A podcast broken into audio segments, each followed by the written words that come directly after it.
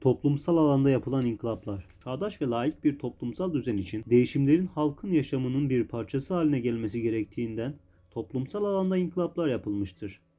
25 Kasım 1925'te Şapka Kanunu. Bunun nedeni sosyal yaşamda topluma modern bir görünüm kazandırmak, muasır milletler seviyesine ulaşmak ve Batı ile bütünleşmek, toplumsal birlikteliği sağlamak, ayrıma yol açacak unsurları ortadan kaldırmak. Gelişmeler Atatürk 23 Ağustos 1925'te Eskişehir ve Mahmudiye'ye yaptığı seyahatlerinde şapkayı halka göstererek şapka devriminin ilk işaretini vermiştir. 25 Ağustos 1925'te Kastamonu İnebolu'ya yaptığı bir gezide başına şapka giyip buna şapka derler diye halkı şapka giymeye özendirmesinden sonra 25 Kasım yine 1925'te şapka giyilmesi hakkındaki kanun çıkartılmıştır. Şapka iktibasına dair kanun. Kurtuluş Savaşı'nın ve Kuvayi Milliyecilerin simge kıyafetleri ise kalpaktır. Tekke, zaviye ve türbelerin kapatılması 30 Kasım 1925. Bu kapatılmasının nedenleri din istismarlarını önlemek, toplumun layıkleşmesini sağlamak, halk arasında eşitliği sağlamak, bu mekanları rejim karşıtı eylemlerin odağı olmaktan çıkartmak. Refik Koraltan ve bazı vekillerin önergesiyle sunulan kanun 30 Kasım 1925'te kabul edilmiştir. Kanunun maddeleri Şeyh Said isyanında en önemli rolü üstlenen bu merkezler çıkarılan kanun ile kapatılmıştır.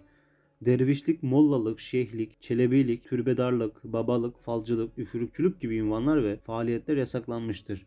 Eyüp Sultan, Mevlana, Yavuz Sultan Selim ve Fatih Sultan Mehmet ve benzeri kişilerin milli tarih ve kültüre mal olmuş kişiler olmasından dolayı türbelerine dokunulmamıştır.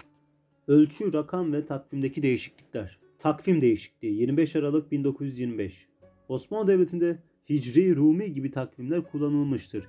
Bu durum toplum içinde ve Batı ile olan ticari ilişkilerde sorun oluşturmuştur. Bu nedenle 1 Ocak 1926 tarihinden itibaren miladi takvime geçilmiştir. Saat dilimindeki değişiklikler 26 Aralık 1925 1 Ocak 1926 tarihinden itibaren Alaturka saat sisteminden Alafranga saat sistemine geçilmiştir.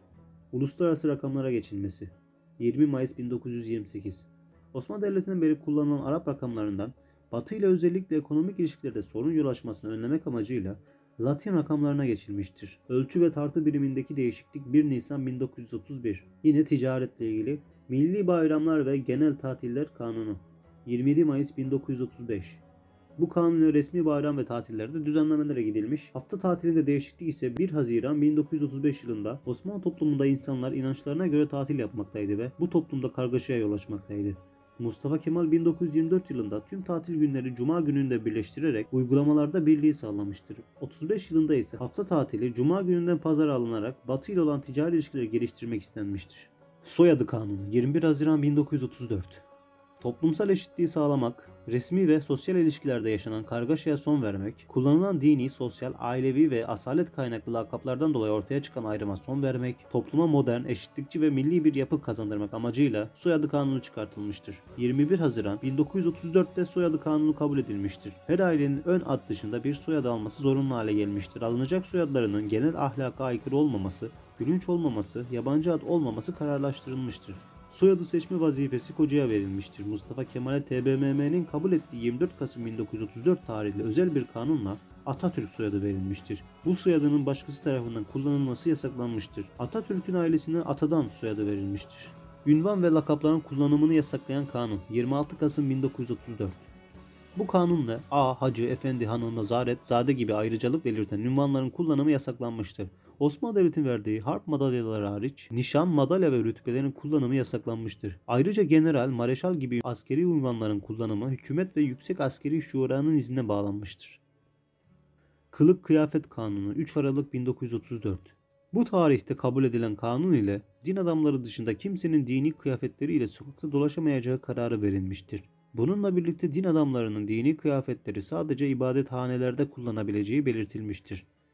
Ancak bu düzenlemeden Diyanet İşleri Başkanı Hanbaşı ve Patçık muaf tutulmuştur. Bu kanunla ayrıca yabancı devletlere özel askeri ve resmi kıyafetlerin giyilmesi de yasaklanmıştır.